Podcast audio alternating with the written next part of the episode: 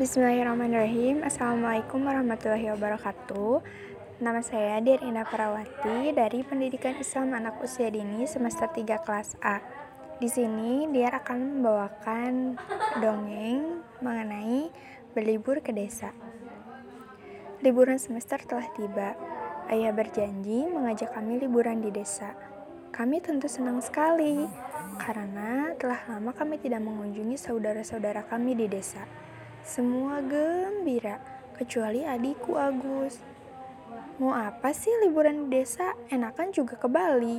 Protes Agus karena keinginannya untuk melihat Pulau Dewata kembali tertunda.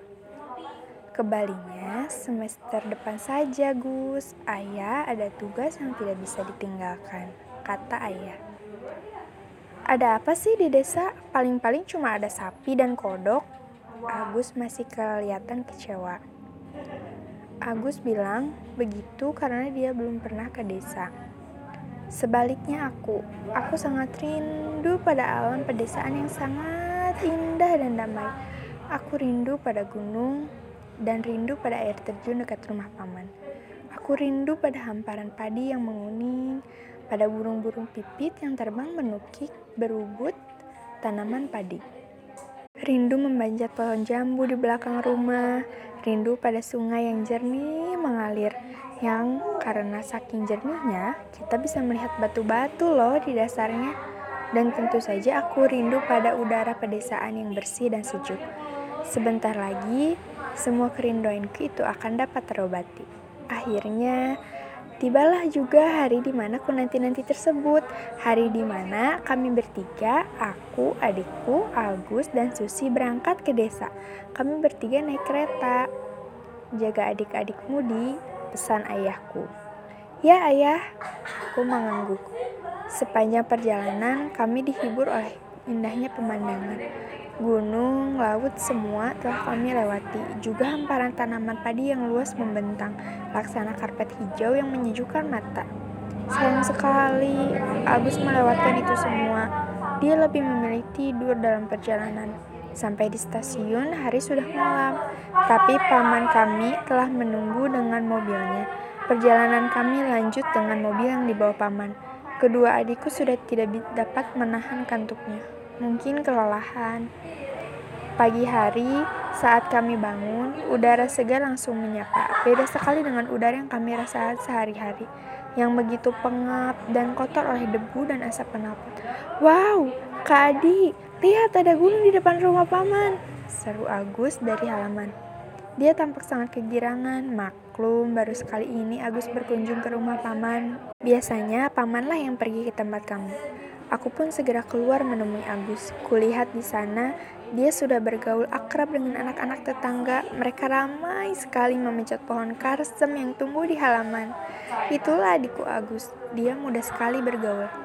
Lihat kak, pohon ini memiliki buah seperti ceri, kata Seraya, menunjukkan buah karsem yang kemerahan.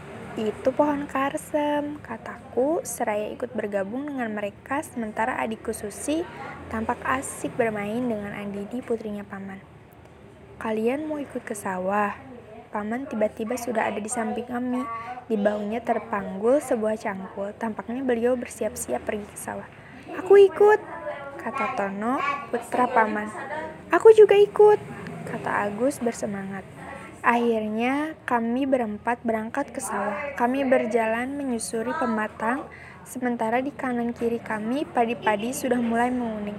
Beberapa petani bahkan telah memanen padi mereka. Ada apa yang memotong padi? Ada yang merontakkan padi. Semua bekerja dengan semangat sekali. Kita sudah sampai, kata paman. Mana padinya? Kata Agus. Padinya telah selesai dipanen, Gus. Sekarang paman sedang mempersiapkan tanah untuk musim tanam berikutnya. Kalian main-mainlah dulu, kata paman. Lihat, ada belut. Pekik Tono yang langsung terjun ke sawah dengan sigap dia mengejar belut yang tadi sempat menampakkan moncongnya ke permukaan tanah yang berair. Belut malang itu pun dapat ditangkap oleh Tono. Lalu kami pun ikut-ikutan mencari belut. Tapi apa yang terjadi? Kami malahan mandi lumpur. Sementara tak satu pun belum dapat kami tangkap. Paman tertawa-tawa melihat keadaan kami. Pergilah kalian mandi ke sungai, tapi hati-hati ya, bajunya licin. Bertiga kami pun pergi ke sungai di dekat sawah paman. Sungai itu tampak dangkal, kami lalu mencari tempat yang agak dalam. Setelah ketemu, kami kemudian mandi di situ. Kak, lihat, ada ikan berkaki, kata Agus. Kami terkejut dan penasaran dengan temuan Agus. Kami kemudian berlari menghampiri Agus. Mana sih ikan berkaki? Tanyaku penasaran. Itu, itu. Agus menunjuk segerombolan anak katak yang asik berenang-renang. Tono tiba-tiba terbahak-bahak. Itu bukan ikan berkaki, itu kecebong. Kecebong itu anak katak bukan ikan, kata Tono kemudian. Aku pun ikut tersenyum. Dasar anak kota, masa anak katak dibilang ikan?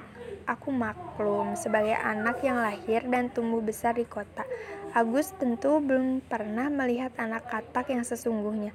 Proses perkembangan katak mulai dari berudu menjadi katak mungkin Agus tahu, tapi dia belum pernah melihatnya secara langsung. Jadi dia mengira kalau anak katak itu ikan berkaki karena memang bentuk berudu seperti ikan. Liburan kali ini benar-benar menyenangkan dan memberikan banyak pelajaran berharga bagi kami, terutama buat adikku Agus.